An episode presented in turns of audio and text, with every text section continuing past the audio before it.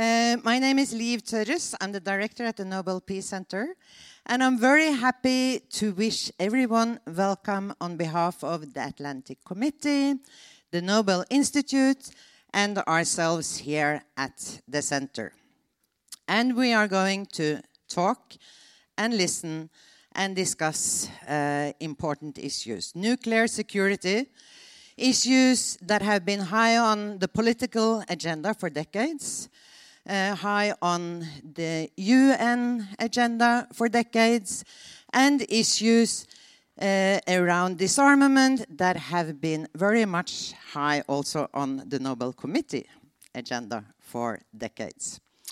I'm not going to burden you uh, for a long time. I'm going to leave you in more capable hands. Christian, uh, Christian Borch, uh, long background as a journalist, as an author, as a very, very capable person on foreign affairs issues, security issues, and he is going. Yeah, um, I'm gonna. Olav is gonna sort of close the event, and he's probably gonna pepper you with more. But you know, we keep inviting Christian back, so you will understand from that in itself how valuable we think you are.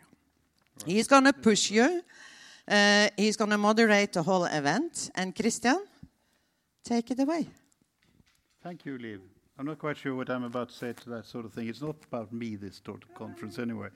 Everybody, welcome to this conference, or should we say the, the deep dive to keep it, um, keep it within the framework, what we're usually doing in this framework uh, of uh, the problems of nuclear security. It occurs at what we could say an unpleasantly urgent moment in history. Uh, the doomsday clock which is the bulletin of the International Atomic Energy Scientists, stated last year that, quote, the probability of global catastrophe is very high, and the actions needed to reduce the risks of disaster must be taken very soon, unquote. That was about the situation in 2016. This year, the experts find the danger to be even greater, the need for action more urgent. It is two and a half minutes to midnight. The clock is ticking.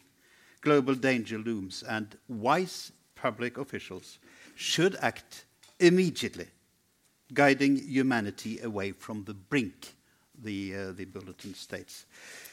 It's a rather bleak picture, one could say, so I'm, I'm actually relieved and quite happy to say that we have three of exactly these wise public officials with us here today on this very stage. Namely, and let me present them in, in the speaking order, it's uh, Yukiya Amano, who is the Director General of the IAEA, which is the International Atomic Energy Agency.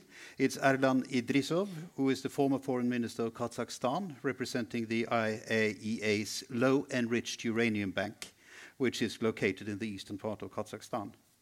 And it is, last but not least, Lassina Zerbo, who is Executive Secretary of the Preparatory Commission of the Comprehensive Test Ban Treaty. Each of these wise men are going to give a short presentation followed by a question and answer period. So without any more delays, any more ado, I'll just give the word to Yuki Amano. Please.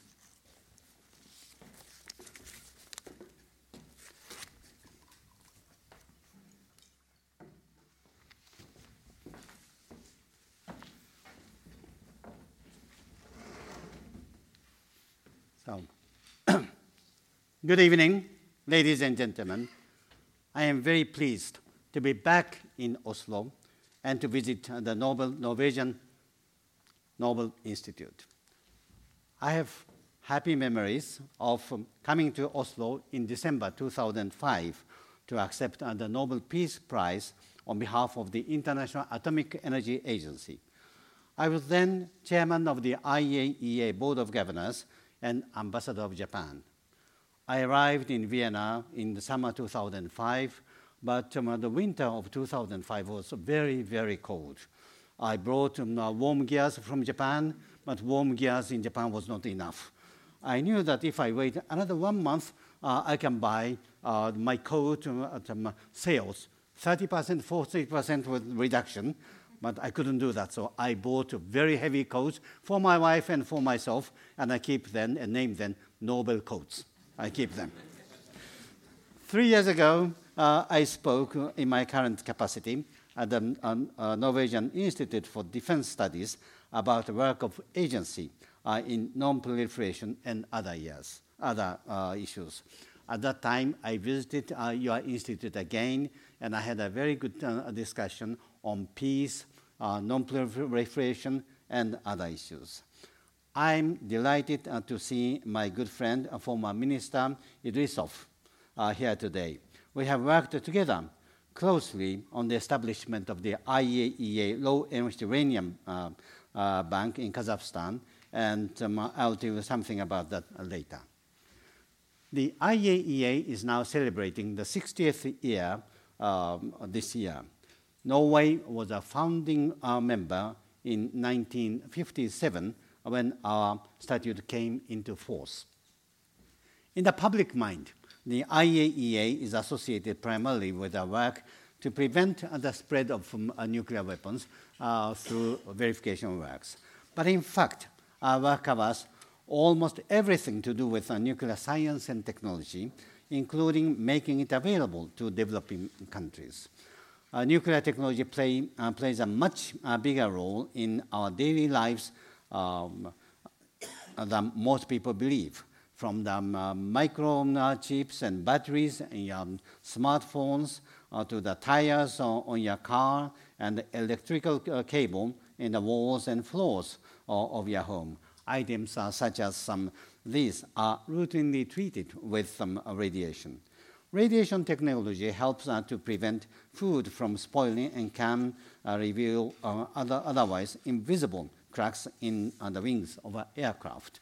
And of course, everyone is aware of the key role uh, that nuclear technology plays in the diagnosis and treatment of major diseases, cancers, um, uh, cardiovascular, and even Alzheimer. Needless to say, it is essential that nuclear and other radioactive material should be used safely and securely. They must not be allowed to fall into the hands of terrorists or other criminals. This brings me to our main subject today nuclear security. Ladies and gentlemen, nuclear security has been part of the IAEA's work for decades, for six decades. But after uh, the 9 11 terrorist attacks in the United States, member states asked us uh, to step up our activities in this area, and our work has grown steadily. We help countries uh, to uh, ensure that nuclear and other radioactive materials do not fall into the wrong hands. The main concern is that terrorists uh, could obtain radioactive material and use it together with some conventional explosives to make a so-called dirty bombs. If one of these uh, was detonated in a city, that could cause serious damage, loss of life, and mass panic. Nuclear security is uh, the responsibility of uh, individual countries. However, governments have recognized uh, that the international co cooperation is essential. Why? Because terrorists and criminals will try to exploit any vulnerable in the global nuclear security system. Uh, they target uh, the weak, weakest link. Any country, any, any part of the world could find itself used as a transit point. And any country could become the target of terrorists. I attended uh, the four nuclear security uh, summits that took place uh, between 2010 and uh, 2016. My good friend, Ambassador Laura Holgate, uh, played an essential role in making these uh, meetings successful. The process was launched on the initiative of President Obama, who hosted the first and last summit in Washington. I, I took part uh, as an observer on behalf of the IAEA. The summit made a valuable contribution uh, by focusing international attention on the issue at, at the highest political level. The leaders recognized the IAEA as the global platform for strengthening nuclear security. This gave considerable impetus to our work. I do not mean uh, that IAEA can do uh, everything. We need support, we need help from many other organizations, but someone some organization must function as the global focal point. and uh, the IAEA was recognized as a global platform, and we are very happy to play that role. The IAEA has a unique role to play. We bring together 168 member states to which we offer concrete expert assistance and general nuclear security guidance. We have held two ministerial conferences at which ministers reaffirmed their support uh, for our critical central uh, role in the nuclear security. Ladies and gentlemen, so what does the IAEA actually? Our main role in nuclear security is to provide practical assistance, expert advice, equipment, and training to minimize uh, the risk of nuclear and other radioactive material being used in a um, uh, malicious way. We have trained more than 10,000 police, border guards, and other officials uh, in detecting and preventing the smuggling of nuclear and other radioactive material. We have given countries thousands of uh, instruments for detecting such materials. Nuclear detecting equipment are not huge. Uh, they are, some of them are like um, uh, this size. And uh, if somebody uh, in the room has a nuclear material, I can detect it if I activate it. Uh, we provided radiation detection equipment and other assistance to measure, um, sporting events uh, such as the Olympic and the Paralympic Games in Rio de Janeiro last year. I propose uh, that um, uh, Japanese government uh, will work with us in preparing for the Tokyo Olympics, and they welcomed our offer.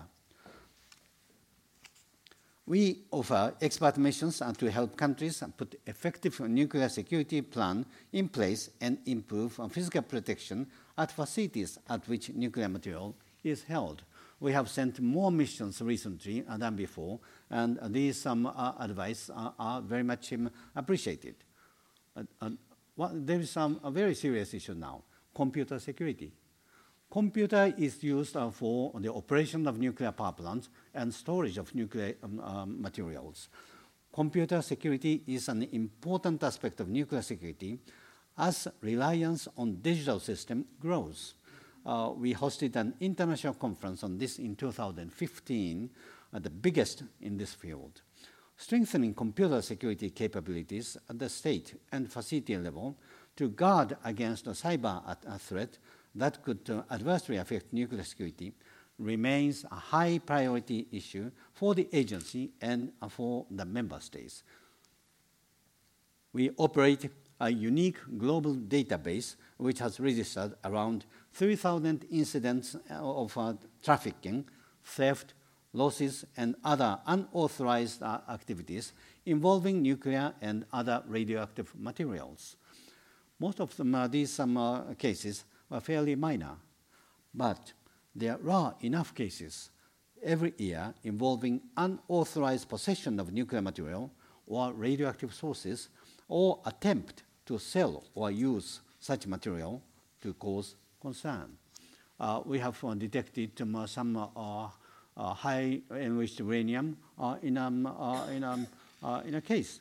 And some, um, the, some were trying to sell it to other, other people.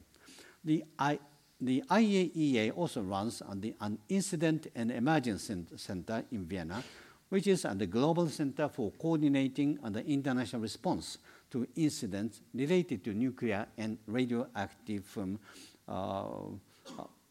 radiological safety or security. It is operational 24-7 and can provide expert advice and assistance through a response and assistance network. Ladies and gentlemen, in my travel uh, as a Director General, I have seen many positive developments in the nuclear security area. I have visited impressive um, nuclear security facilities in countries as di diverse as Belarus, China, Pakistan, and of course the United States. There have also been welcome improvements in the international legal framework, and this is um, a very important achievement. Last year, an instrument known as the, the Amendment to the Convention on the Physical Protection of Nuclear Material, it's a very long name, finally entered into force uh, nearly 11 years after the amendment was adopted. It was adopted in 2005, uh, but um, uh, progress uh, towards uh, the entry into force was very, very slow. we had um, very actively encouraged countries to ratify the amendment. It finally entered into force. The original convention covers the physical protection of nuclear material in international transport. The amendment expands its coverage to include the protection of nuclear material in domestic use, storage and transport, and the protection of nuclear facilities against act of sabotage. It expanded the scope. It requires countries to establish appropriate physical protection regime for nuclear material. They also take on new obligations to exchange information on sabotage and credible threats of sabotage. Now that this uh, instrument is in place, it must be fully implemented. Ratifying uh, the, uh, the amendment on paper and implementing it are different things. So we have brought together senior officials from countries concerned to make sure that this happens. I, I was planning to talk about um, uh, the nexus um, uh, between nuclear energy and security.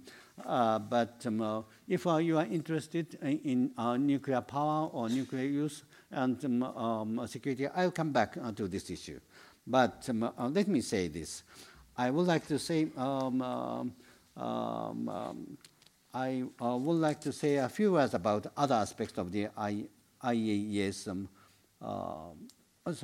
um, sorry, as I have mentioned earlier, uh, the IAEA is establishing as um, an LEU bank in Kazakhstan. This will serve as a last resort mechanism to, prov to provide confidence to countries that they will be able to obtain LEU for the manufacture of fuel for nuclear power plants in the event of unforeseen, non-commercial disruption of uh, their supplies. The IAEA, as I said at the beginning, IAEA has some uh, very vast um, activities, uh, including uh, the nuclear deal in, in um, Iran, um, addressing the North Korean issue, or helping developing countries to at, achieve the sustainable development goals. Uh, but uh, I'll be very happy uh, to, to address these questions if you are interested. The objective of the IAEA is to use atoms for peace and development. Our organization is, um, the, is the one that delivers. Thank you very much. Thank you so much, Mr. Amano.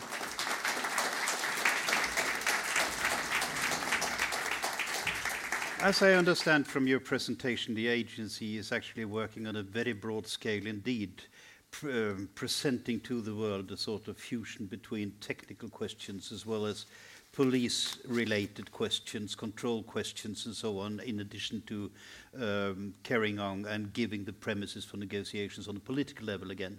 What could you say about the Iran agreement in that respect? Iran agreement, um, uh, Iran issue uh, is um, uh, very um, is a very complicated, long-lasting one, and we have been following this uh, since uh, 2002. Hmm. it was very difficult, and um, um, it, Iran was decided to have to be in non-compliance with the IAEA safeguard agreement. A lot of um, UN Security Council resolutions were adopted, but Iran did not implement it. But since uh, 2013, uh, we have seen uh, changes uh, after Mr. Rouhani was elected president. And um, uh, uh, first we saw the nice rhetorics, and then we saw um, the appointment of different people, and we started to see the real difference in autumn 2013. Mm. we worked with them, and IAEA and Iran reached agreement on the framework for cooperation, and um, uh, five countries uh, and Iran, uh, P5 plus one and Iran reached agreement for the joint um, um, plan of action. And in 2015, uh, the IAEA reached agreement uh, uh, with Iran on roadmap to clarify the past issues, and uh, uh P5 plus one in Iran reached agreement uh, on the so-called Joint Comprehensive Plan of Action, which is the Iran deal. Since 16th January 2016, IAEA is monitoring and verifying the implementation of Iran uh, Uh, by Iran of uh, the nuclear-related uh, commitments. Uh, so far, uh, the agreement is being implemented. but um, um, um the, the reality is much more complex than appearance, and we should um, work very hard to make this agreement sustainable. Yeah, it is complex as it is in a way, but are you, is the agreement sort of paving the way for future negotiations on nuclear questions, you think? I mean, you have actually made the premises for political decisions by working on detail on a lot of questions relating to this sort of thing and sort of building up um, a sort of background, or could, should we say, a, a, a foundation for what ended up as a political agreement. Well, uh, you mean? Um, um, uh, I mean, the, the, the, the, tedious work you did on the yeah. details in this sort of thing made the, the sort of background. Yeah, of course. Um, yeah. uh, um, we have been, um, uh, what I try to do is to report uh, the situation with clarity. Mm. It was not popular among uh, Iranians. But understanding the situation with clarity was very important to move forward. In 2011, uh, I shared uh, the information that indicate that Iran um, um, um, uh, was involved in the activities relevant to the development of uh, nuclear explosive devices. This was not welcome uh, by Iran, mm -hmm. but my view is that um, sharing this information means what other questions are to be resolved. Uh, when we understand uh, the, uh, the situation, current situation with clarity, and when we understand the issues are to be answered, then they will pave the way for, for solution. Mm. Um, um, with the coming of, of President Rouhani, um, they addressed these issues.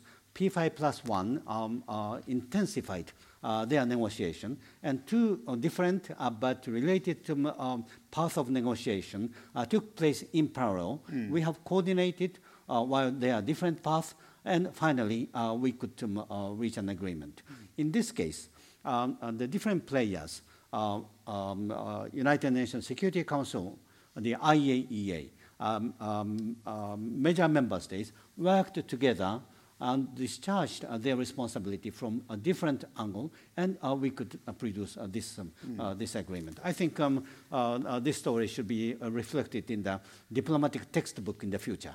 yeah, sure. I mean, it was enormously complex, wasn't it? I mean, with yes. all sorts of good forces being brought into the picture in the way. Uh, what would you say if the change in political system in the United States should lead to a scrapping of the agreement, which we have had a lot of things uh, during the campaign. Um, and um, uh, in March, I visited the United States uh, twice, and I had a meeting with uh, uh, Secretary Tillerson and um, um, Secretary of Energy, Mr. Rick Perry. What I was told that the United States is reviewing the policy related to JCPOA with other related issues and uh, this review has not yet completed. At the same time, uh, so far, I have not uh, received indication uh, that the United States is working to rip off this agreement. But um, uh, the uh, Trump administration is um, requesting um, um strict interpretation mm. and robust implementation of the agreement. Um, as some, IEA is not a member of the agreement, it is the agreement uh, between um, P5 plus 1 and Iran. Interpretation and implementation must be done by them. Mm. The role of the IAEA um, uh, is um, uh, to monitor and verify uh, the implementation by Iran. And uh, we will do this job, verification and monitoring, in an impartial and objective manner, mm. based on the rule. You, you stressed in your, in your presentation that govern, the, the sort of breakthrough in the work for nuclear security came when governments actually recognized that international cooperation is necessary. Are you worried about the situation today, where it seems as if some nations, at least, are acting in a sort of old-fashioned, isolistic or nationalistic way in pursuing their own programs without taking this international cooperation into consideration? I mean, we, we are living in a time where the mm. Are actually no disarmament negotiations going on? Um, with respect to uh, the nuclear security, mm. um, I find uh, that um, uh, many countries are uh, uh, cooperating uh, because um, um, these countries can be the victim themselves, or these countries can be used um, by others. So um, uh, we have 168 um, uh, countries as members. Nuance is different, uh, but um, um uh, I can say uh, that uh, there is um, um, general strong support to strengthen the nuclear security. Mm. And uh, there are a lot of things uh, that IAEA can do uh, in a concrete term. There are uh, other organizations uh, who can um, um, provide their expertise in other fields to strengthen um, nuclear security.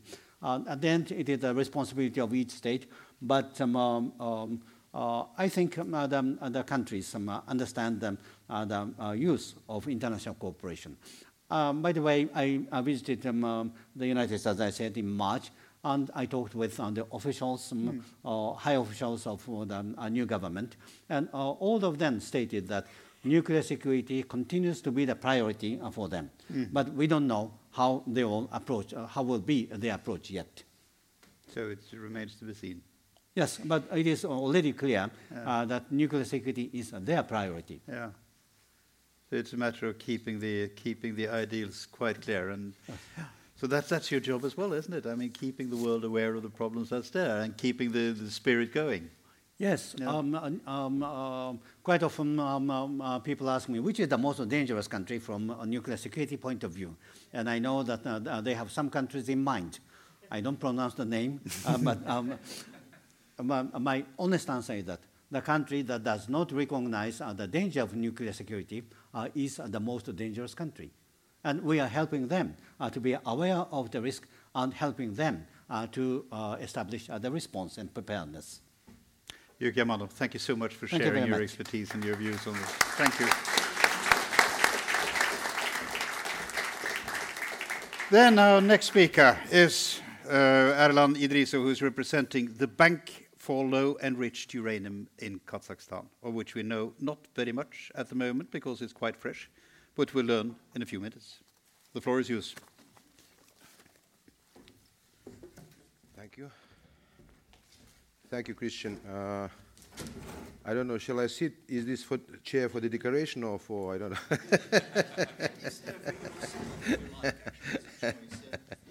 no, it's a nice uh, uh, Nordic style. Uh, I like it very much. you prefer it to be seen, which is the reason why you're not sitting well, uh, thank you very much. Uh, I'm very heartened uh, to be uh, uh, today here in Oslo. Uh, back in Oslo, let me tell you that I'm, I happen to be Kazakhstan's first ambassador to Norway. Uh, it was in back in 2002, although I was based in London. Uh, uh, but I had a great honor and privilege of serving for Kazakhstan as the first ambassador in Norway. I'm very pleased to be tonight with my friends.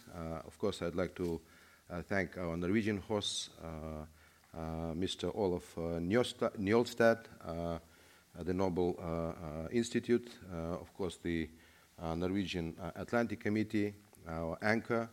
I'm very heartened to see old friends, Dr. Amano, Lassina Zerbo, our old friends, Ambassador Laura Holgate, with whom we, worked uh, for decades together. Uh, and I'm very uh, heartened also to see the members of the public I see uh, the Norwegian ambassador to Kazakhstan over there. Hello. uh, I'm heartened that uh, a Norwegian public is taking part uh, in this uh, event, and uh, I, Christian, will salute you and commend you for anchoring this very important talk tonight, because you're absolutely right. I can see uh, the zeal in your, uh, in your questions. You are a strong uh, anti-nuclear uh, champion. Uh, and I salute you and I commend you because we Kazakhs are 100% in Kazakhstan uh, the same as you. Uh, therefore, the topic is, of course, absolutely important. Uh, unfortunately, uh, Dr. Amano had to uh, answer, give diplomatic answers because he's the head of the multilateral institution and every word counts, you know. Uh, I am not holding this important position, similar important position, therefore at times I will not be diplomatic because the threat is really there. Nuclear weapons are there and they possess the largest, greatest, the most severest threat, threat to uh, global peace. Therefore, we have to rise and raise our voices uh, to uh, make sure that uh, everyone, particularly top politicians, understand with what they play. they play with our lives, they play with the lives of our children. Therefore, we have to make sure that the threat and the danger of this disaster Uh, is addressed uh, very uh, in, in, in, a most robust and sincere and fair way. matter is very complex. Uh, yes, we can recognize that uh, the top two powers, nuclear powers, are uh, having difficulties in carrying their open, direct talk on this particularly important matter. On the contrary, we hear very disturbing news on both sides. And of course, uh, for us, uh, this is a matter of concern. Uh, we have to unite. we have to come up with one voice to um, press on them uh, and uh, uh, press with others who have who possess nuclear weapons to get rid of this disaster and danger forever. Kazakhstan has every right to do this. We are very young, we are 25 years old, but uh, uh, we, at the start of our independence back in 1992, were the fourth largest nuclear uh, power in the world. Uh, uh, many in the audience may know, but uh, we inherited 1,400 nuclear bombs on our territory, with all the infrastructure, with all the facilities, and we were as I said, the largest nuclear power, in, uh, the fourth largest nuclear power in the world, uh, with uh, the nuclear arsenal bigger than the British, Chinese, and French put together. now, uh, there were dramas in the world in recent years about the Iranian nuclear program uh, with a potential one or few bombs. Uh, we now have the disaster with the North Korean program. Uh, but then we had 1,400 nuclear bombs, the most sophisticated nuclear bombs, uh, the so-called Satans, which were the threat for the entire Western world. They were all deployed here uh, in Kazakhstan, not here, sorry. They were deployed in Kazakhstan, and believe me, they were targeted uh, to the key industrial, uh, financial, uh, global centers uh, in the world. Therefore, that was a huge responsibility on us, how to deal with this absolutely unexpected matter for us. We were just a new nation, and of course, nuclear challenge was one of the biggest uh, dramas at the start of our independence. But uh, I tell you that uh, uh with our historic uh, habit and culture of uh, talking to others and taking advice with others, from others, we, without hesitation, decided to get rid of this. Uh, we wanted to make sure, first of all, of course, to ensure our own uh, security, uh, but we also understood the entire responsibility for the global security. Therefore, uh, by mid-90s, uh, we got rid of all nuclear weapons. All 1,400 uh, most sophisticated and deadly nuclear weapons were demolished in the most safe way, in the most cooperative way. and we have destroyed other means of nuclear threat, the infrastructure for the delivery of nuclear weapons, the infrastructure for testing nuclear weapons. Kazakhstan was the first to close, uh, in Soviet days, at the end of the Soviet days, to close the largest nuclear testing ground in the world, the Semipalatinsk nuclear testing ground, where 500 nuclear explosions took place. Uh, dozens of Hiroshima bombs uh, were exploded on the territory of Kazakhstan. for more than 40 years. they were exploded above the earth, on the earth, underground, in all imaginable formats, killing the environment, killing the people, killing life. Therefore, we had moral right uh, to come up with a very strong voice against nuclear weapons. Uh, we continue to be the champions uh, of anti-nuclear movement. we believe that we have to fight till the end, until we reach the goal of having zero nuclear weapons on Earth. You asked about what's going on. Um, Dr. Amano knows, and all uh, professionals know that uh, United Nations is still following this issue very uh, persistently. Uh, there was a resolution, as you know, Dr. Amano, uh, last fall uh, to have a conference to denounce, to delegalize nuclear weapons. It's a very controversial issue. Of course, there are again groupings. We understand uh, the arguments of uh, those countries which possess nuclear weapons, but there is a strong growing group of countries who call, very seriously call, uh, to put an end to this disaster. And uh, in March, we had the first part of the conference. Very soon, we are going to have the second part of the conference. There will be resolution. Uh, I'm very uh, realistic. Uh, no one expects uh, serious action, but there is a moral, serious call uh, from that resolution, which will, we hope, resonate throughout the world, including in the capitals of the nuclear powers. nuclear powers. low enrichment uranium bank is one, one good example uh, how Kazakhstan continues to try to help uh, address this uh, deadly uh, matter.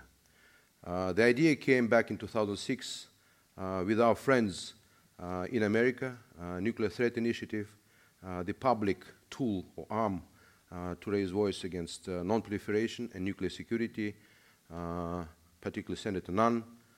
they came up with the idea of having this LEU bank, uh, under the aegis of IAEA. Uh, and uh, this, was, this idea was kind of pondered over for a number of years. IAEA was seen as the right institution to take up the call. IAEA studied Lookout, uh, how uh, uh, that can be materialized. That was a matter, of course, of huge complexity, political, ideological, technical, and other complexities, public complex, uh, complexities. Uh, but uh, when we heard the idea, we immediately jumped in because Kazakhstan had all the prerequisites to offer itself as the host for the low enrichment nuclear bank. Uh, we had a very strong uh, anti-nuclear record. Uh, we have a strong record of export control. We have uh, a strong uh, human capacity in nuclear sphere. Therefore, we said, this is a great, the great thing. Uh, we will be there, and we want to pioneer together with IAEA. Fortunately, in 2012, uh, the decision was made in favor of uh, building the bank. Uh, there was, of course, a debate within the Board of Governors in IAEA, how we'll do that, who will benefit from that. There was, again, different groups of countries approached the idea differently. But we embraced it and we convinced others that this is a good thing. Uh, this is maybe a small thing. Uh, it's not uh, as big as uh, uh, eliminating nuclear weapons, but this is an important tool, a call and call and practical step in uh, making sure that the world is a little bit safer in terms of nuclear threat. The idea is very simple. the world, actually, this is about the dilemma of the NPT treaty. Uh, how to pacify and mitigate two uh, major principles of the treaty. Uh, the right to develop peaceful nuclear energy and also the principle of non-proliferation and nuclear security.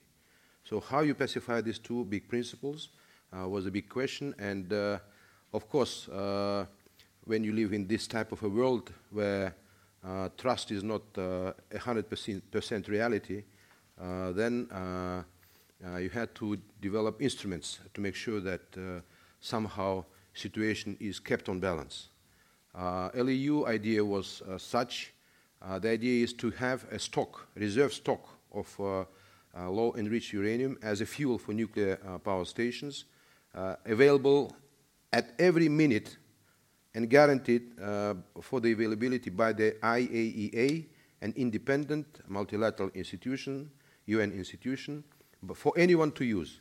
If there is any disruption on the market, for any reasons, political reasons, disasters, economic reasons, I don't know. Uh, but uh, the idea was to establish such a bank, and by having this reserve guaranteed stock, to uh, guarantee to those countries uh, uh, who fear that their supplies of uh, fuel for their nuclear power station may be disrupted. This, is, this was one goal. But the second important goal was to discourage potential uh, wrongdoers. Because if you develop peaceful energy, it's a very thin line. You can keep on with the peaceful line of that, but there is a danger that you go into the right, in, into the wrong direction. Uh, therefore, to avoid these risks, uh, IEA uh, uh, and NTI and other supporters came up with this idea. Very bright idea, uh, and uh, we started to work on that. In 2002, the Board of Governors finally, after six years, Uh, took a decision to establish such a bank. Uh, it was supported by uh, the government of the United States, by the government of Europe, by the European Union, uh, Norway uh, was one of the sponsors, is one of the sponsors of the, the bank. Uh, Arab Emirates, Kuwait, these are the major sponsors. NTI, of course, contributed itself to the um, money fund to support the bank. Kazakhstan offered itself as an in-kind grant contributor and to host the bank. Uh, we'll continue to contribute uh, because we'll keep it on our territory, we'll maintain it, we'll provide electricity supply, we'll uh, provide security, we'll provide all sorts of uh, things so that the bank runs uh, absolutely perfectly. And we also contributed uh, 1 million uh, euros uh, over the five years in the Nuclear Security Fund of the IAEA and other facilities of IAEA. This is our willing, uh, willful, uh, sincere, uh, very heartfelt desire to bring the reality of non-nuclear world, non-nuclear weapon world closer to all of us. Uh, we started to work uh, from 2012. Uh, I can tell you this is quite a challenge. It was a quite, quite, a challenging task. Um, the idea is simple. you produce LEU, you store it very securely, and bring it to Kazakhstan and store it there very securely without no chance for culprits to get to that material. And ensure that in time of need, by Iran or by Venezuela, I don't know, by uh, South Africa, when they need the, uh, this reserve to be supplied uh, securely and timely uh, to that country so that the nuclear peaceful sector works without a hitch. That was the idea. We started to work, but we discovered with Dr. Amano and his team and our team, our interagency team, that this was something uh, which was never done by anyone in the world before. I now uh, serve as ambassador in UK, I can tell you now, I can compare it to uh, feelings around Brexit. Everyone knows how to enter European Union, but no one knows how to leave the European Union. No experience. So we also didn't have any experience of uh, uh, building the nuclear fuel bank. IAEA had offices around the world, but they were uh, legally uh, framed uh, through the uh, rulings of the Board of Governors, but they were over very civilian type of regular bureaucratic, I mean, um, that type of things, but never in the history of IAEA and in the world, in any country, there was such a thing as the low, low enriched uranium bank. Therefore, we had to develop all the aspects, political, ideological, legal, um, uh, technical, uh, organizational, uh, security, safety, including the public, because our public was concerned. What's that? Uh, are you bringing the uh, nuclear waste to Kazakhstan? Why? So we had to also uh, uh develop a special PR strategy with uh, IAEA to explain to our public that this is a very secure, safe, and good for the world uh, uh exercise. Uh, we succeeded uh, in three years' time. I can tell you that we are now completing the construction of the facility where the cylinders with the LEU will be kept. uh, on the territory of Kazakhstan, in eastern Kazakhstan, we have the Ulba metallurgical plant, which deals for decades with nuclear material. It's a very sophisticated industrial facility with Uh, all the uh, elements of uh, safeguards and human capacity to deal with this dangerous stuff. So we are, in June, are completing the construction of the facility. we had, in these three years, carried out 22 uh, formal uh, rounds of negotiations between Kazakhstan and IAEA. 22 formal. And how many informal? uh, Dr. Amano was uh, coming uh, to Kazakhstan very frequently. I was very privileged uh, to have signed with Dr. Amano last August, no, August 2015, the formal agreement on the establishment of the LEU Bank in Kazakhstan, and we started in the construction. Now, uh, an important uh, part comes. Uh, we'll formally open, launch the bank on the 29th of August of this year. of course, there will be construction commissions from IEA which will review the construction and will confirm that everything is done well.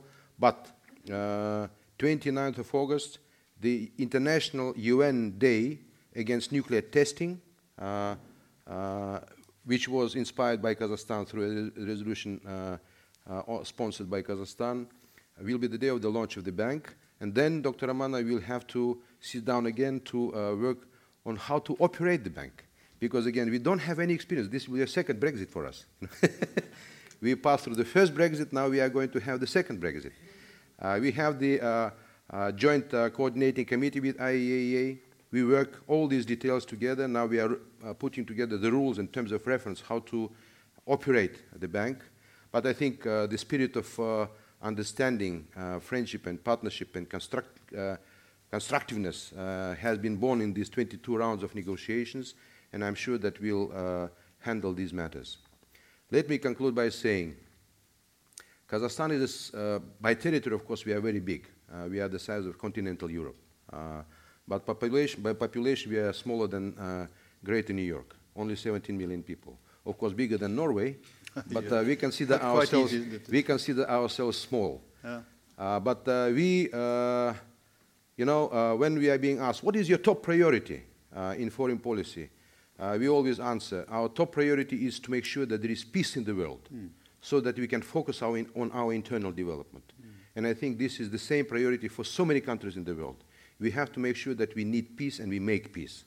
And Kazakhstan, uh, being a small nation uh, by population, tries to make a small, uh, modest contribution into that. You heard about uh, our contribution to the Iranian talks. I personally mediated the Iranian talks uh, uh, in Kazakhstan, and we succeeded. There was a dramatic end of 2015, Dr. Amano, you know, when with Helga Schmid and I and Iranian Foreign Minister uh, Ernie Moniz and others were dealing with how to start implementation of this in January 2016, and we had to kill our Christmas uh, time uh, to address the issue, but we were successful. Fortunately, we were successful, and we did it. We are now, we helped to mediate the situation in Ukraine. We are now helping with Syria, you know, the Astana process on Syria talks. Uh, this is our small uh, and sincere desire to, uh, sincere big desire to make our small, modest contribution to peacemaking in the world. We want to make peace in the world, and this is a universal call, and we call every nation in the world to join us. Thank you very much. Bravo. don't leave, don't leave. I'm sorry. You're here for some questions. The point is that the bank is going to solve some problems. What sort of problems, and what have we seen of these problems before in the world? I mean, has history uh, showed us that uh, sudden disruptions of the supply of, uh, of LEU is, um, yeah, can no, happen and occur and lead to something? these are all presumptions, mm -hmm. basically very smart presumptions. and the big part of that exercise is to encourage countries to stay away from going into uh, a full nuclear cycle development in their country, which is very costly, time consuming, and dangerous. Mm-hmm. And discourage them uh, to uh, uh go into military track, uh, nuclear military track. So mm-hmm. the main purpose was to create something which people can touch mm-hmm. and uh, smell and tell them you are secure. If you have a problem, we are here on a neutral basis. Mm. not in one camp uh, biased or biased to another camp. IAEA is a neutral thing, and this is a belonging compl- belongs completely to IAEA. And at any time uh, of any difficulty, you have a guaranteed access to that. Maybe uh, this is so far uh, for a, a prospect of 10 years to come. Uh, maybe the bank will be operational next year, right, Dr. Amano, with everything coming together. Uh, but uh, uh, of course, this call is to those countries we are, who are on the threshold. No, I see. Uh, Therefore, uh, we say we are sending a signal. Don't waste this money to go uh, through a complex uh, nuclear cycle process, but uh, put your money to some other good things for your nation. And we have a guaranteed supply for you of nuclear stuff. Please develop your peaceful energy. Build your power, nuclear power plants. Okay. It provides But- the security Yeah, but you have a secure stock of uh, energy. Yeah, so it, it provides a security which will Yeah. make it unnecessary Because, to... because in theory, with this uh, divided world yet, Yeah, right. uh, someone can stop uh, the supply uh, to a certain country because they don't like it. Yeah. Yeah. Who will provide the deposits of uranium in the bank? Uh, that's an open uh, uh, tender process. Uh, tender will be announced before the end of the year, I hope. Uh, and uh, uh, countries uh, which produce LEU uh, will be vying uh, to supply uranium to the bank, and this will be done. What about yourself then? I mean, you have a, you We have a mining industry which is quite... Yeah, we are number one uranium producers in the world. Yeah, I Uh, know. We possess 39 uh, global production of uranium. But are you enriching it as well? Uh, no, uh, we are, well, we are non-nuclear, therefore we never will go to enrichment. no, that's right. But we have access to enrichment. Uh, we have arrangement uh, with our neighbors.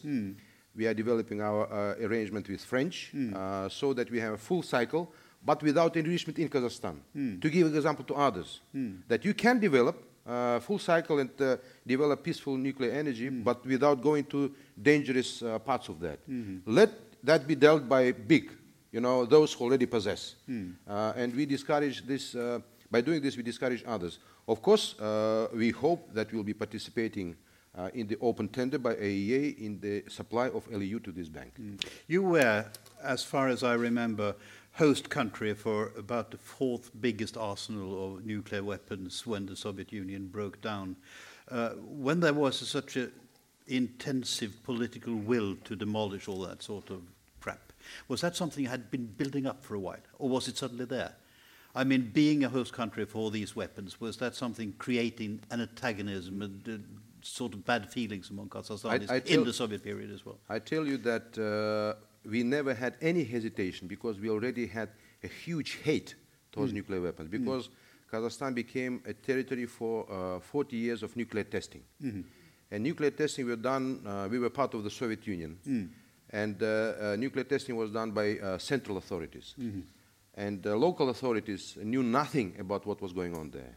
People were uh, used there as if uh, they were guinea pigs. Yeah. Uh, they would come out and wouldn't know what is that, and there is a uh, uh, nuclear mushroom, and fallout and everything else. So uh, we still have uh, 2.5 million people in Kazakhstan were affected by did- different what- sides of nuclear testing. What did the new Russian authorities say to all that then? Because it was actually their weapons in a way, wasn't it? We live in a complex world. We now became all independent. We were one uh, uh, uh, big country, uh, which was the Soviet Union, which was sometimes uh, uh, at one point in uh, the history uh, painted by uh, President Reagan as the evil empire, as we all know, right? Yeah, we but we that. take history We as, as, as a reality. Yeah. Therefore, we do not want to put the blame to any specific nation, Russia or Ukraine or whatever. Hmm. The blame maybe is on ideology. The blame is on the communist ideology or this distorted uh, uh, uh, ideology what, which was professed by the Soviet Union. They didn't have any care for a human being as a value. Therefore, we rejected that. And I tell you, uh, when we uh, uh, became independent, we had emissaries from the Mus- Islamic world. And it's already a public story, but emissaries from Gaddafi, late Gaddafi, came and promised billions of dollars to Kazakhstan in early 90s, we, we, when we had no resources at all, to keep the so-called Islamic bomb. And my president said, no, go away and uh, chase yourself, as Americans say. right? we will never do that.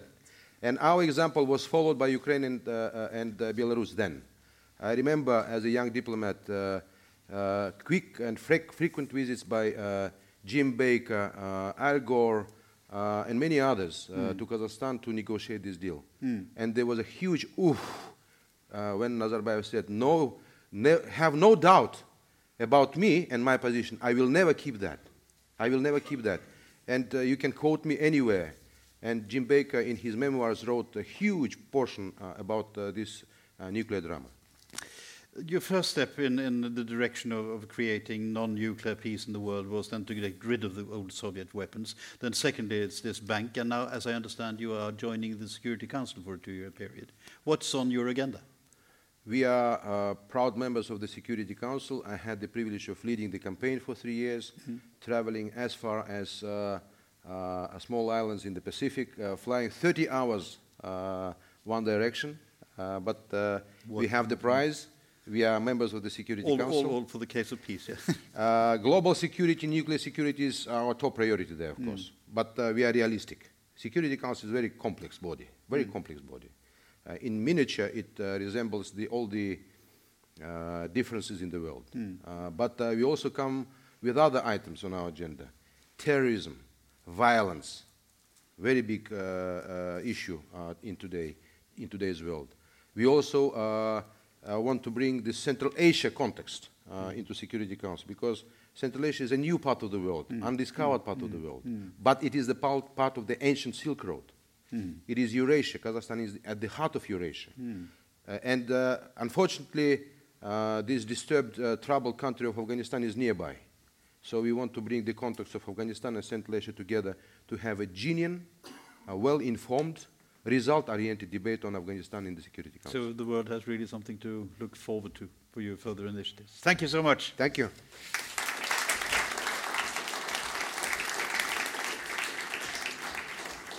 Then, ladies and gentlemen, last but not least, Lassina Zerbo, who is responsible for the work to make uh, the UN's Comprehensive Test Ban Treaty operational. Floor is yours.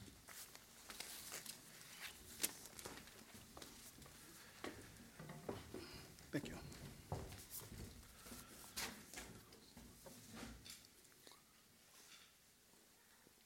Thank you.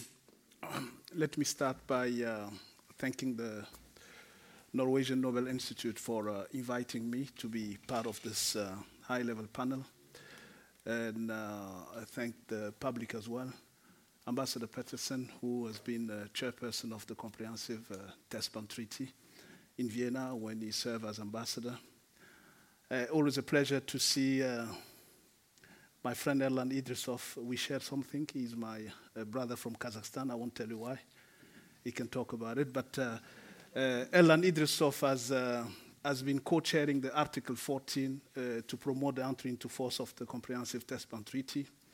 In fact, when he started, uh, he mentioned just now that, uh, you know, I don't want to be diplomatic. So the way he talked in the beginning, I thought we'll get the entry into force in two years.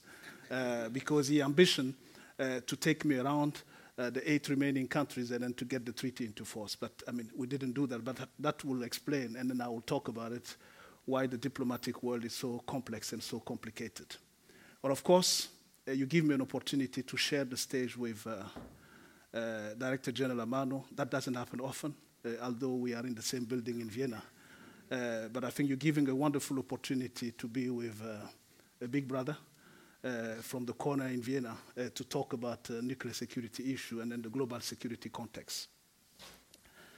So this discussion and th- this high-level panel come at the right time uh, because uh, uh, Erlan Idrissov mentioned how to put together nuclear security, he mentioned testing.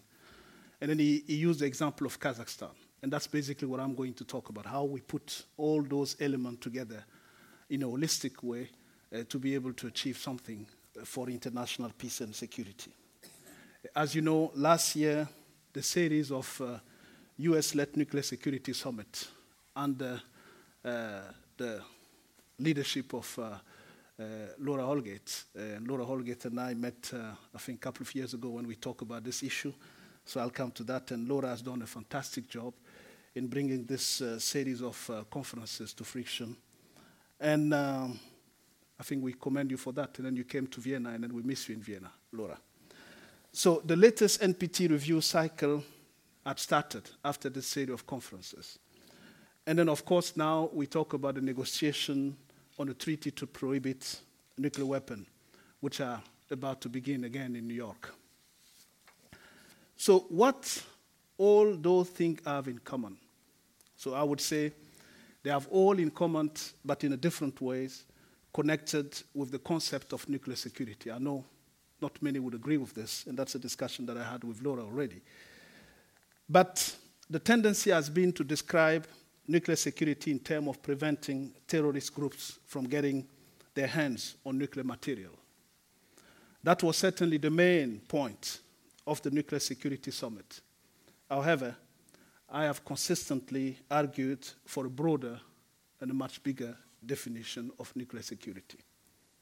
And don't get me wrong, I'm not saying the danger of nuclear terrorists is not the gravest threat.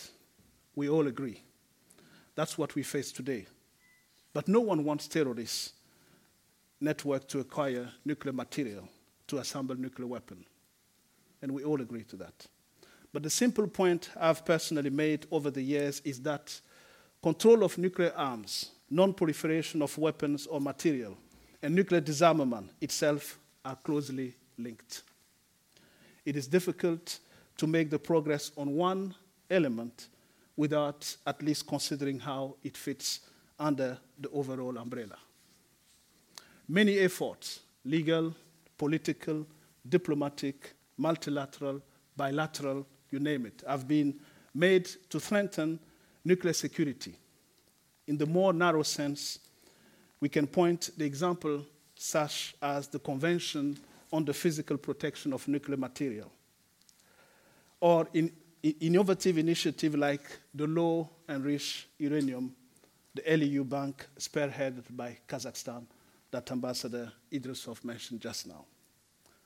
But we should not divorce this effort from the huge advances made more generally in bringing us closer to the security of the world without the threat of nuclear weapon.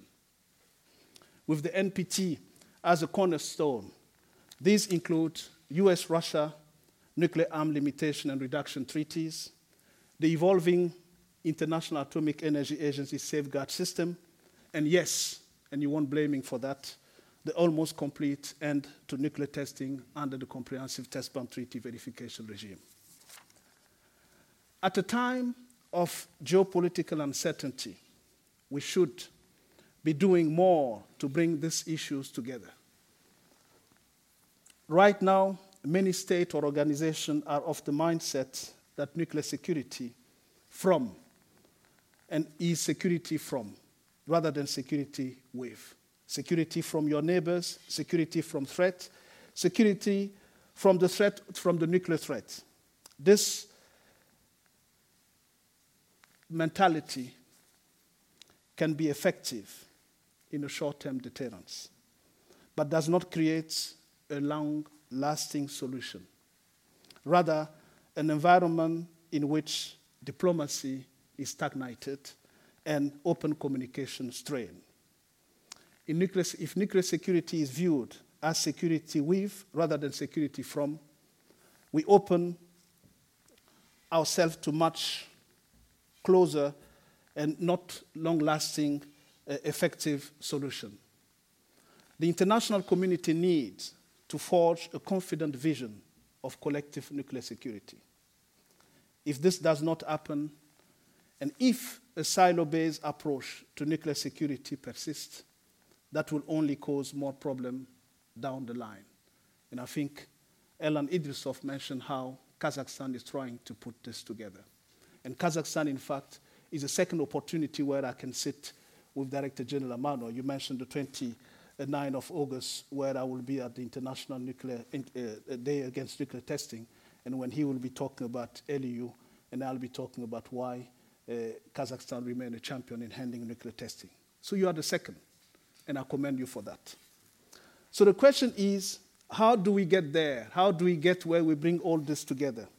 How do we build the trust and confidence needed to reach the end game? Making progress on nuclear security requires actions on five elements understanding, leadership, innovation, culture, and partnership. And I'm going to talk about those elements one by one and then put them in the context of the CTBT. Understanding. It is finally time to arrive at a common understanding of nuclear security. What does it mean? I was tempted to say my definition, but it's not my definition. One definition could be creating and maintaining the conditions of trust and mutual understanding necessary to free the world of any nuclear threat. That's a definition that we can give to nuclear security. Only through considering nuclear security in all encompassing way can we establish a comprehensive and inclusive approach towards it. We must also learn to understand one another. Education is central in fostering this environment of understanding and increasing the role of nuclear security moving into the future. This is an initiative that we had with the CTBT youth group. We've pursued this through the youth group because by educating and inspiring youth, we can bring them together to form long lasting bonds, long lasting bonds for long lasting solution. And this is important. The second element is leadership. Yes, the nuclear armed states and the states that possess nuclear technology and material have a special responsibility to lead. But leadership is also a matter for all other states and all the world's nations. And leadership means making sure no country is left behind. And this is important. No country is left behind. Any measures and initiative need to be non discriminatory and inclusive in order to be truly effective in implementation terms. Leadership must be persistent a vacuum in leadership will give rise to other approaches. Whatever one's view on the emerging nuclear weapon prohibition that we talked about just now, it is strongly arguable that it is the result of style leadership in other parts of the nuclear non-proliferation and disarmament agenda. That leads me to innovation. We must be ready to explore new and innovative approaches to address long standing nuclear security challenges. One interesting concept in the nuclear security summit process was the gift basket. Countries were encouraged to set and present their own goals and then to hold each other accountable in achieving them. This is something that could be readily, readily applied elsewhere, and I could readily imagine that this can be taken in the context of the CTBT as an example. At present, states are asked to fill annual returns on their effort to promote the treaties entering into force. But why not turn this around and make it more proactive? The outgoing coordinators, Erlan Idrissov being one of them, of our Article 14 conference, have shown the way through recently launching a joint appeal with tangible deliverable. Perhaps a gift basket approach could re energize future Article 14 conferences. We also cannot forget the role of academia and science, how they play in innovation and subsequent diplomacy. Where diplomacy halts, science and technology and innovation evolve, building confidence, capacity, and cooperation, and there encouraging diplomacy back. So, those of us, I'm tempted to say those of us because I'm not seen as a usual suspect in nuclear security, but allow me to say those of us active in nuclear security must be ready to learn from new ideas and build on them where appropriate. And that leads me to culture, because it's all about that. If we have a culture of nuclear security, we can move forward. So, as the saying goes, culture eats strategy for breakfast all the careful planning in the world is for nothing if there is no bedrock of responsible behavior on nuclear security. A number of the post Cold War initiatives, such as the Nunn-Lugar Cooperative Threat Reduction Product, had this at their heart. We need to reinvigorate the will to embrace a culture of nuclear security, and this requires investing in capacity building, as mentioned just now. We seek to build capacity in less developed countries. Even smaller actors are asked to play a much larger role in nuclear security, an objective which can only be achieved through inclusive and holistic action. And this is why I've been advocating for a holistic approach. So, building a culture of means continued engagement and outreach. We should not forget the role that civil society, the, academia, the academic community, and especially youth can play. Progress on this issue is impossible without the engagement of the coming generation. In the CTBTO, we have been fostering a culture of non testing. For example, through engaging with education partners on academic, academic curricula. This was also a major factor in launching our CTBTO youth group last year. Now I turn on to partnership. Partnership brings me to how to build inclusive partnership. We must be careful to leave no relevant actor out in the cold. I can only refer to this in respect of the CTBT. At the CTBT, we've tried to set a clear example on nuclear security as follows by prohibiting all nuclear test explosions. It places real constraint on both the first time development of nuclear weapon and the means for improvement. It is backed up by a sophisticated and proven verification regime through the international monitoring system that is effective right now. So the world has this at its disposal an international monitoring system made of 337 facilities. The CTBTO has detected all five nuclear tests carried out by North Korea.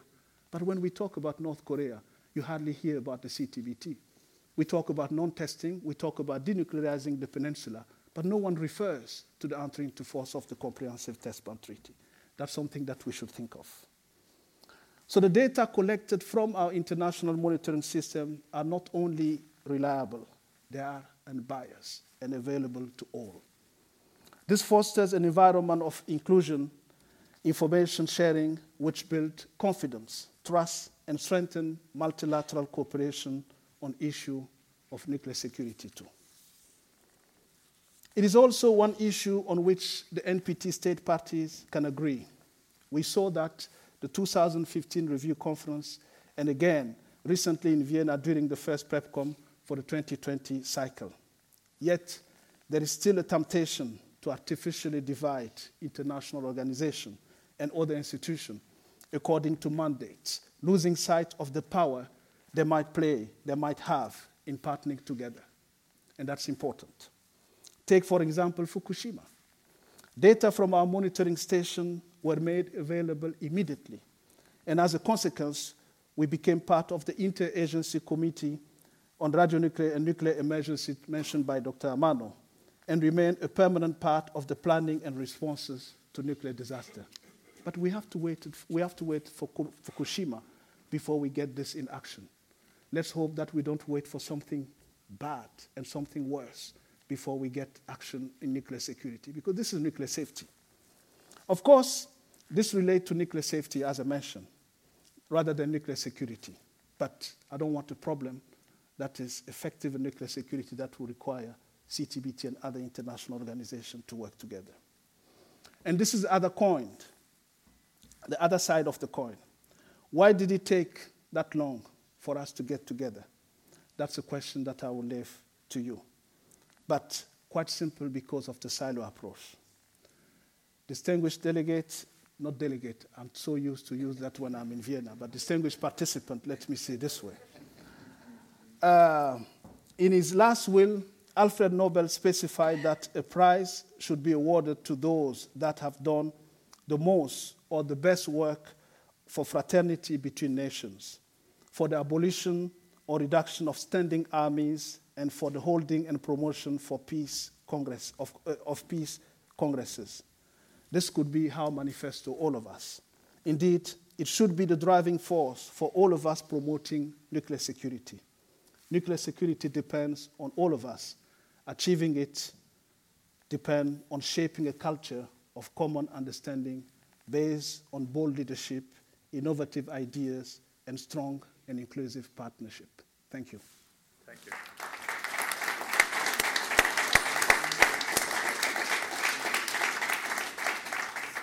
Thank you. Dr. Zerbo, when you talk about the need for innovation, new ideas, and the strengthening of the culture for disarmament and nuclear security, are you indirectly saying that the old way of thinking has become obsolete in a way? Uh, if you ask the scientists, I would say yes. But if you ask somebody who has learned diplomacy, I would say maybe. But if you act not as a diplomat then, but as someone As who is scientist, operative in the area. I'll say you're right. Yeah. Because I think the old way of thinking, look, uh, I want to take one simple example.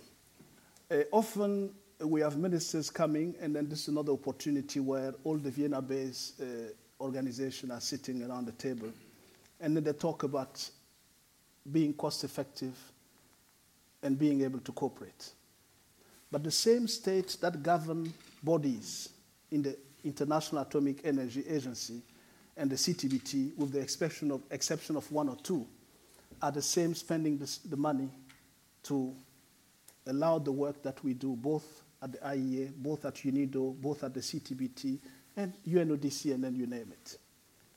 There are ways where we can be cost effective if we are allowed to work closely and then we're not put in a stovepipe way where this is mine and this is not yours. Of course, as uh, DG Amano mentioned, you need a champion. IAEA might be the champion in nuclear security. UNIDO might be the champion in industrialization. But they might need smaller ones to come and help and tap into to give them information, to give them, you know, share even staff or share resources in order for them to achieve their goals. And I think we have to do more and more of those, and then we'll be more and more cost effective for the state that are governing the international organizations. Can I, can I ask you a question which requires not an answer from a diplomat in a way? I mean, I mean, there is an abundance of organizations, of treaties and institutions working with these questions, all of them being created by politicians. But politics is changing, isn't it? Indeed. Uh, should those organizations take a greater responsibility for carrying out the original mandates they once got in cases when politicians are sort of casting doubt on the activities and the efficiency of it? Is, is that, could that be a sort of innovation, something pointing out into a new direction in a way? Yeah, one would think so, because innovation comes with the way we adapt ourselves to the reality of the world, Yeah. the reality Yeah, of the yeah. moment. That's That's how innovation comes. Uh, the reality of today is that, uh, and both panelists have mentioned, there's no way one can decide or a country can live in a silo. You mentioned it as well when you were asking question to, to Mr. Amano. The world is global. With social media, we get a civil society that is more demanding, a civil society that want to know what does the CTBT compared to the IAEA, and why, for instance, the CTBT and the IAEA or, or OPCW hmm. are not working in a way where people understand the overall frame of weapon of mass destruction or atom for peace and so forth. I bet if you go to a country, if in Burkina Faso, my country, or you go to Malawi or any little island in the Pacific, hmm. and then you ask them the difference between nuclear safety, nuclear security, or arms control, or non proliferation, I doubt if you'll have a clear answer. What we have to do is to build capacity for people to see that overall context, to understand. It's only then that we can get them to participate and be part of what we want to achieve hmm. ultimately, a world free of the threat of nuclear weapon. Hmm.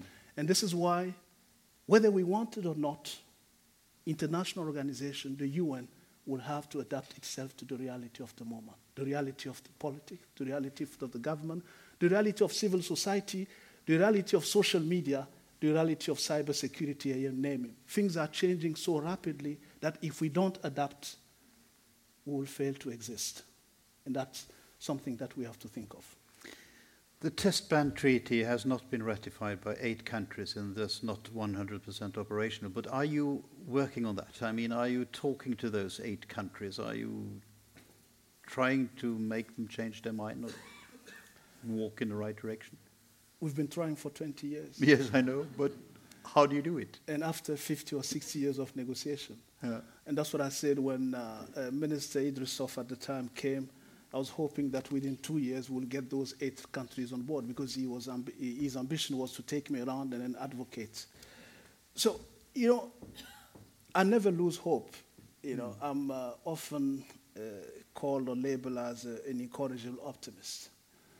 And uh, I will not stop losing hope in getting this treaty into force. Hmm. If I don't get it during my time, I want to make sure I put the seeds that are necessary for the next one to take and champion this issue. Hmm.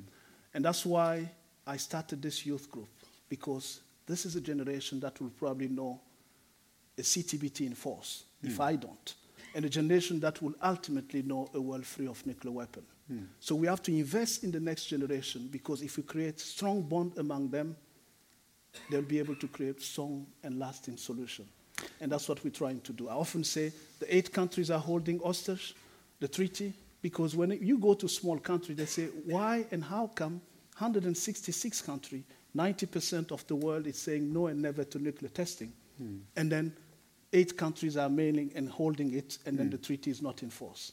The treaty is somehow effective, but I don't like this word effect. Until it's legally binding, we cannot say that the treaty in force. And if you allow me, we talk about the weapon ban treaty that uh, which negotiation is going is now underway. I've often said, you know, I'm a proponent of a ban on nuclear weapon. But my question has always been if we fail to get a low hanging fruit like the CTBT in force, how can we achieve a ban on nuclear weapon? So those are issues that we're talking about. Minister Idrissov can tell you. Kazakhstan has been championing nuclear testing, the ban on nuclear testing for such a long, long period. Why can't we get stop testing and then we want to stop weapon? It's like if Norway decide to be such a green country where there is no cars, you decide to ban all cars and only have bicycles. And next door you're still manufacturing cars. Is it possible? I don't think so. A contradiction in terms in a way. You, you stressed the point of uh, activating the civil society, the academic environment, etc., in this work to create a culture, a broader culture. Uh, I mean, the people, the civilian society is the water in which political fish are swimming, to quote Mao Zedong. Uh, would you see it as a task for these organizations, for the treaties, for the, uh, for the institutions to work actively and consciously on that? I mean, to change the public opinion, to make a pressure on the politicians? I think public opinion, civil society can make pressure on uh, the politician uh, for a simple reason. Uh, today, uh, it's difficult to manipulate population because of uh, free information, social media, even false information. Okay, so manipulate. You can manipulate a group around you, but it will be difficult for you to go out and manipulate those who are outside and watching you do it. yes, but Okay? information. yeah. So that's why if we educate civil society, we educate the youth, it's the only way they can feed into the politician and then Mm, what I lead them into the right direction. And this is what we try with the US uh, during the last administration. Hmm. We're waiting on educating before the debate and before the CTBT could be considered Hmm. at the Senate for ratification. So we're still working, and I think I met official of the new administration. Uh, unlike what many people thought that the CTBT is dead on arrival with the new administration, in the nuclear policy review, nothing is done yet. We're still waiting, but the CTBT seems to still be on the agenda. Uh, I don't think it can be otherwise. Okay. Good luck with your work anyway. Thank you so much, Dr. Thank And thank you so much to our other speakers. Thank you to you as well. So then, Olav Njølstad, the director of the Nobel Institute, please, you sum it all up or We'll see. make a nice knot. Thank you, Christian, and thank you to our excellent, eminent, inspiring speakers of today. Uh, the threat of nuclear weapons, the risk of misusing nuclear energy has been the concern of the Norwegian Nobel Committee for 60, 70 years. And uh, actually, some 12 Nobel Peace Prizes have been awarded to people and organizations for good work in this field. And Dr. Amano is, of course, now leading one of these organizations, the International Atomic Energy Agency. But unfortunately, despite all these admirable good efforts, these problems are very much still with us. And in many respects, they are reason for even more concern than many years ago. When, uh, when uh, Albert Einstein said that nuclear weapons have changed everything except our way of thinking. This was still in an innocent age when the idea of nuclear terrorism had not yet arrived on the scene.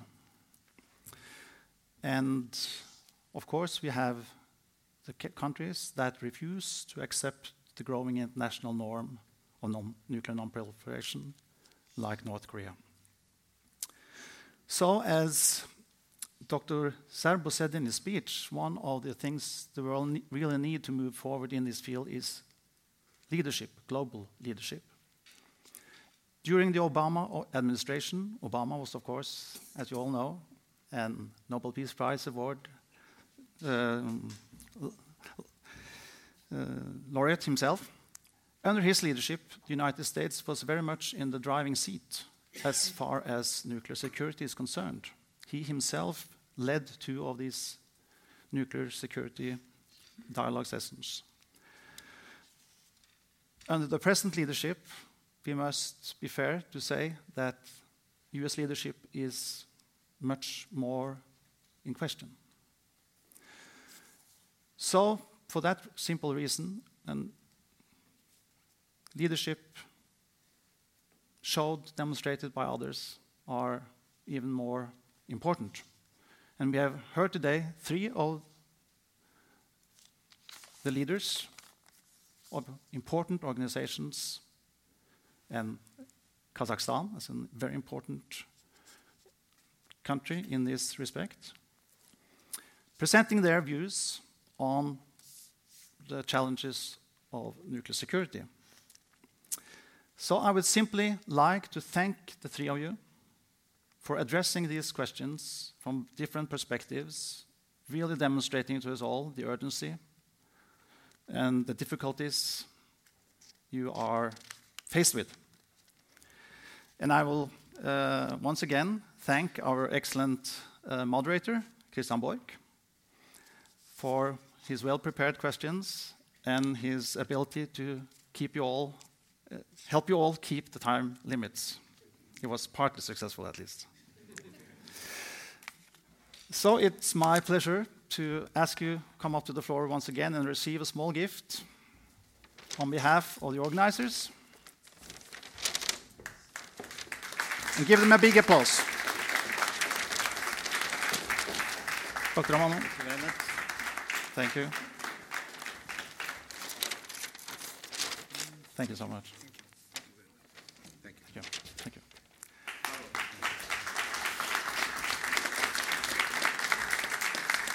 And not to forget a simple small gift even for Christian Borch. He always expects us to give him some Nobel Peace Prize medal chocolates. he insists it's for his grandchildren, but I'm not sure about that. You deserve it. Thanks a lot. Thank you. Thank you all.